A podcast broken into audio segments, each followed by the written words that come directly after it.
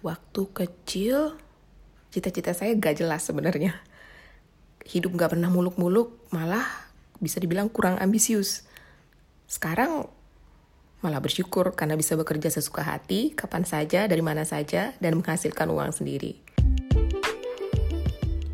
Halo, ini adalah Senior Being a Translator, a podcast by Desi Mandarini. Nama saya Desi Mandarini dan saya adalah penerjemah dan juru bahasa lepas untuk pasangan bahasa Inggris Indonesia dan sebaliknya. Di siniar ini kamu bisa mendapatkan tips, pengetahuan, informasi, dan mendengarkan pendapat saya tentang dunia bahasa, khususnya penerjemahan dan penjuru bahasaan yang menjadi jalan karir saya. Saya memulai karir sebagai pengajar bahasa Inggris, kemudian tidak sengaja terjun ke dunia penerjemahan, dan akhirnya memutuskan memilih untuk menekuni profesi sebagai penerjemah dan juru bahasa lepas hingga saat ini. Kalau ditanya, apa sih cita-cita kamu dulu? Sudah tercapai atau belum? Sepertinya saya nggak punya jawaban untuk itu ya. Karena memang beda dengan anak-anak kecil lain yang kalau ditanya, hmm, mau jadi apa kalau sudah besar? Mau jadi dokter, mau jadi um, pilot, mau jadi guru dan lain sebagainya. Kalau saya ditanya, saya malah nggak tahu. Tapi yang jelas sejak kecil saya suka membaca, lalu suka dengan tertarik dengan bahasa Inggris. Impian tidak ada, tapi waktu itu juga saya tidak tahu saya mau menekuni bidang apa nanti kalau sudah dewasa. Mau kuliah di mana, kemudian mau berkarir di mana, itu sama sekali belum ada dalam pemikiran saya. Nah, akhirnya e, karena tidak jelas, tidak punya rencana, akhirnya saya memutuskan untuk e, berkuliah di jurusan pendidikan bahasa Inggris. Jadi kampusnya itu di dekat banget dengan rumah saya. Jadi kalau harus kuliah saya tinggal jalan kaki aja. Kurang dari lima menit sudah sampai.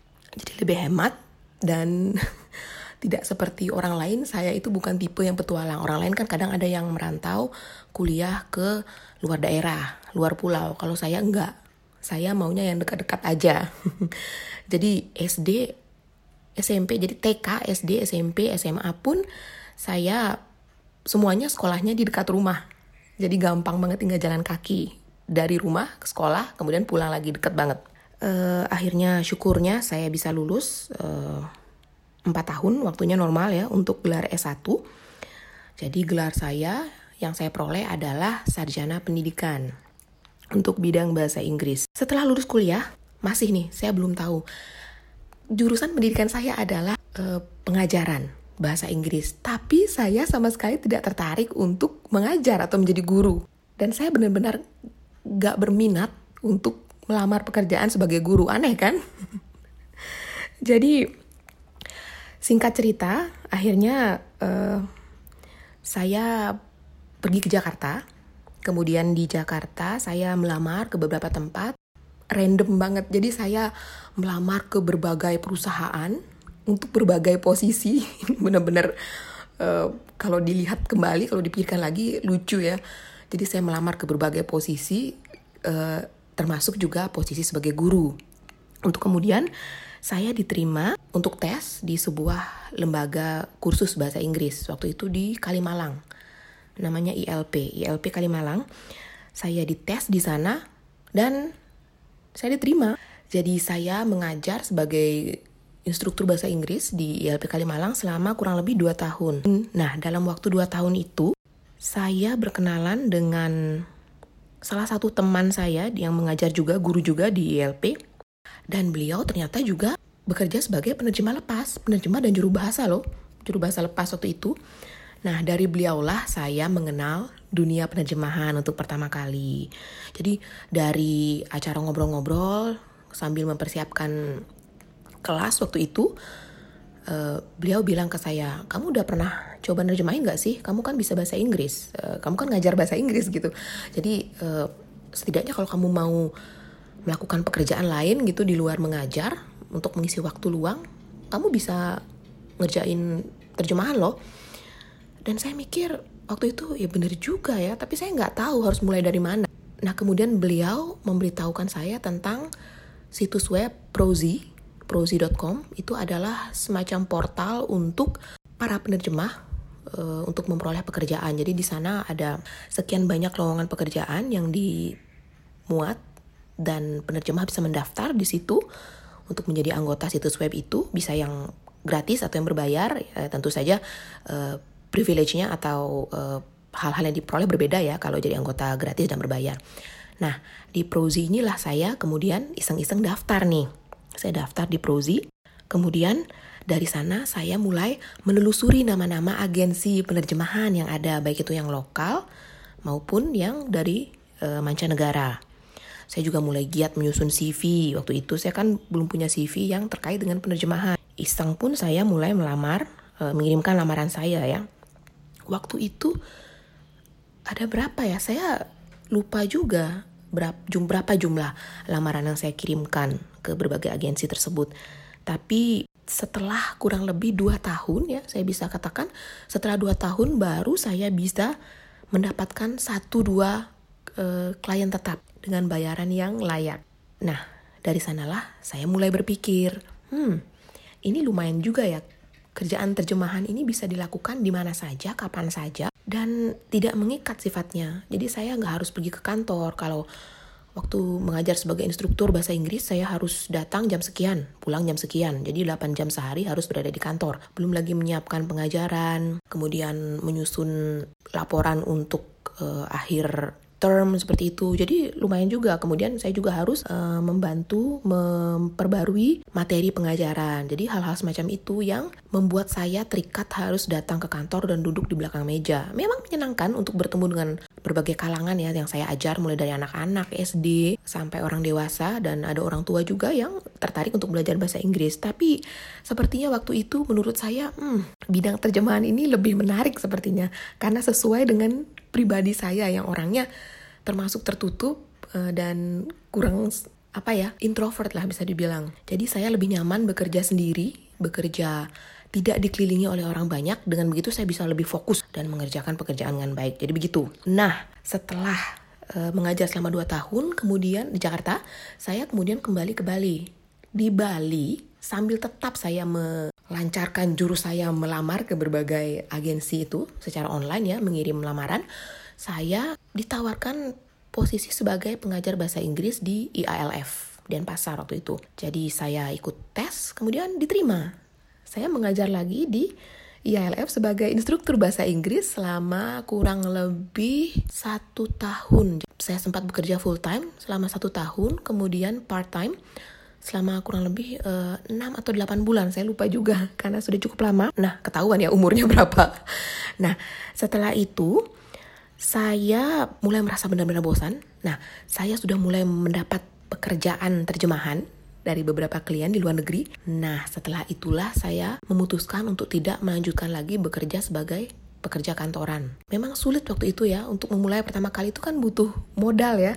Jadi saya tidak bisa, jujur saja waktu itu saya tidak terlalu siap dengan kondisi finansial yang baik untuk memutuskan bekerja sebagai pekerja lepas. Jadi ini pelajaran buat kamu ya, kalau kamu awalnya adalah pekerja uh, tetap, kemudian kamu ingin memulai karir sebagai penerjemah lepas atau pekerja lepas di bidang apa saja, kamu harus yakin kamu sudah siap dengan biaya hidup bisa menunjang kamu untuk menghadapi masa-masa ketika belum mendapat proyek tetap selama minimal 6 bulan lah. Awal-awal saya bekerja sebagai pekerja lepas ini memang sulit sekali. Untunglah ada beberapa kerjaan yang mulai masuk dan keluarga saya sangat mendukung waktu itu. Apa pun pekerjaan saya mereka tidak pernah uh, yang mengkritik atau uh, bertanya kenapa sih begini, kenapa begitu. Jadi saya eh, lancar-lancar uh, saja. Itu awal mula saya bekerja sebagai penerjemah lepas Kemudian saya juga tahun sebentar di tahun ketiga kalau tidak salah setelah bekerja sebagai penerjemah lepas saya juga mulai melirik dunia penjuru bahasaan atau interpreting. Saya waktu itu mendapat tawaran pertama kali adalah dari sebuah uh, saya tidak ingat namanya ya lembaga jadi saya akan tidak sebutkan namanya. Jadi sebuah lembaga yang akan mengadakan acara tentang risk management. Itu adalah pekerjaan pertama saya Nah, dari situ ada jeda yang cukup panjang. Sementara saya tetap mengerjakan proyek penerjemahan, ada jeda yang cukup panjang selama kurang lebih uh, satu tahun ketika sebelum saya memperoleh pekerjaan sebagai juru bahasa lagi. Itu tadi tentang penjuru bahasaan. Seiring waktu, saya semakin banyak memperoleh tawaran pekerjaan sebagai juru bahasa karena saya juga mulai mendapat kenalan dan juga berjejaring dengan rekan-rekan sesama penerjemah dan juru bahasa. Dari mereka lah, dari mulut ke mulut mereka tahu, oh saya menawarkan jasa sebagai penerjemah dan juru bahasa. Dan ketika ada proyek atau ketika mereka tahu ada orang yang membutuhkan jasa penerjemah atau juru bahasa, mereka lah yang merekomendasikan saya. Pengalaman penerjemahan pertama yang paling berkesan bagi saya itu adalah waktu itu saya sempat ke Dubai untuk satu proyek dari Rosetta Stone. Jadi itu adalah uh, perusahaan pembuat perangkat lunak untuk belajar bahasa, belajar bahasa asing, berbagai bahasa asing. Tidak disangka di proyek Dubai ini saya ternyata bekerja satu tim dengan teman kerja saya di ILP Kalimalang dulu. Beliau yang mengenalkan saya ke dunia penerjemahan. Jadi saya senang sekali karena bisa bertemu lagi dengan rekan kerja yang enak diajak bekerja sama. Saya bekerja waktu itu, jadi kami sebagai satu tim, jadi ada beberapa tim juga dari negara-negara lain di Asia juga. Dan kami uh, melakukan waktu itu bekerja selama kurang lebih tiga minggu di Dubai. Jadi uh, tugas kami adalah menerjemahkan frasa-frasa uh, kata-kata yang akan digunakan di uh, situs web dan waktu itu masih zamannya CD ya kalau nggak salah. Jadi mereka juga membuat CD untuk belajar bahasa asing. Nah kami di bahasa Indonesia-nya. Itu adalah pengalaman yang sangat berkesan bagi saya. Kemudian selanjutnya sejauh ini saya sudah pernah ke San Francisco untuk juga mengikuti sebuah uh, untuk bekerja bekerja dengan tim pelokalan bahasa Indonesia untuk satu perusahaan internasional juga. Dan pekerjaan penjuru bahasaan juga sudah membawa saya ke beberapa tempat di Indonesia. Belum banyak sih, baru sekitar luar, luar pulau yang dekat-dekat seperti Lombok, kemudian Jakarta, Surabaya, Banyuwangi, um, waktu itu di mana lagi ya? Daerah Sulawesi kalau nggak salah, saya lupa namanya, Makassar dan Kendari. Ya, lumayan ya bisa uh, mengunjungi daerah-daerah di Indonesia untuk bekerja sekaligus menikmati keindahan alam. Dapat pengalaman banyak juga dan bertemu dengan orang-orang baru yang bisa memperluas jejaring saya. Nah, itu tadi sedikit cerita tentang bagaimana awal saya terjun sebagai penerjemah dan juru bahasa lepas. Kemudian saya mulai mengenal HPI atau Himpunan Penerjemah Indonesia dan di sinilah saya semakin banyak berkenalan dengan rekan-rekan yang memang sudah luar biasa pencapaiannya dalam dunia penerjemahan dan penjuru bahasaan. Saya memutuskan untuk bergabung sebagai anggota HPI dan kemudian memanfaatkan pelatihan-pelatihan yang sering diadakan oleh HPI untuk memperluas pengetahuan saya tentang dunia penerjemahan. Bahkan sekarang saya ikut serta sebagai salah satu pengurus, tepatnya bendahara untuk uh, Himpunan Penerjemah Indonesia di Komisariat Daerah Bali. Ya, berkesan sekali bagi saya karena saya bisa mendapat banyak pengalaman pengetahuan, pelajaran berharga, dan eh, teman-teman baru tentu saja. Nah, itu tadi uh, sedikit ocehan saya tentang bagaimana saya memulai sebagai penerjemah dan juru bahasa lepas. Tips dari saya, pesan dari saya untuk kalian yang ingin uh, bekerja di bidang yang sama juga. Satu, kalian harus siap mental dan fisik juga finansial kalau ingin mulai uh, bekerja sebagai penerjemah lepas karena namanya pekerja lepas ya kalian akan lepas dari kantor lepas dari atasan. Kalian harus berdiri sendiri. Kalian harus mandiri, mengerjakan semua sendiri, uh, siap melakukan marketing sendiri, melakukan tugas-tugas admin sendiri. Bahkan kalian juga harus uh, siap kalau misalnya proyek atau pekerjaan sedang tidak terlalu banyak. Jadi itu yang harus kalian ingat. Jangan lupa juga kalian harus sabar, sangat sabar terutama dalam uh, ketika baru mulai, ketika berusaha menjaring klien karena itu sangat membutuhkan kesabaran. Kalian tidak bisa serta-merta bilang, "Oke, okay, saya mau jadi penerjemah lepas, saya ingin jadi penerjemah yang sukses." Kemudian kalian mengirim lima lamaran, udah selesai. Duduk goyang-goyang kaki sambil menunggu pekerjaan datang. Nggak bisa begitu. Kalian harus tekun. Tekun dan sabar sampai kalian bisa mendapatkan klien dan jumlah pekerjaan yang kalian inginkan dan mempertahankan klien-klien tersebut. Jangan lupa juga kalian harus siap dengan uh, jam kerja yang kadang-kadang tidak menentu. Kalau kalian sudah punya klien tetap yang memang jam kerjanya tetap, uh, itu bagus sekali. Tapi kalau tidak, kadang-kadang kalian harus bekerja sesuai dengan jam kerja klien yang mungkin berada di luar Indonesia. Apalagi ya yang belum saya sebutkan, uh, itu saja dari saya uh, untuk sesi ocehan saya kali ini. Kalau kalian memang berniat menekuni karir sebagai pekerja bahasa, kerja lepas. Semoga sukses dan jangan lupa petua saya tadi untuk diingat ya karena tidak ada kesuksesan yang datangnya instan. Semoga ada yang bisa kalian ambil sebagai pelajaran dan ada gambaran umum tentang bagaimana sih pekerjaan juru bahasa dan penerjemah lepas itu. Tetap produktif dan sampai jumpa di episode berikutnya. Kalau kamu suka siniar ini, jangan lupa bagikan di media sosial kamu dan beri ulasan. Saya juga menulis tentang pengalaman, dan tips seputar penerjemahan, penjuru bahasaan, dan bekerja lepas di blog saya di www.desimandarini.com. Kamu juga bisa menghubungi saya kalau ada pertanyaan, komentar, masukan, atau apa saja melalui surel di info at desimandarini.com. Nah, kalau kamu juga tertarik untuk menjalani karir sebagai penerjemah lepas, atau sekadar ingin tahu seperti apa keseharian penerjemah dan juru bahasa lepas saat bekerja, kamu bisa mengikuti Instagram saya di @desimandarini atau Twitter saya di @dfmandarini. Terima kasih.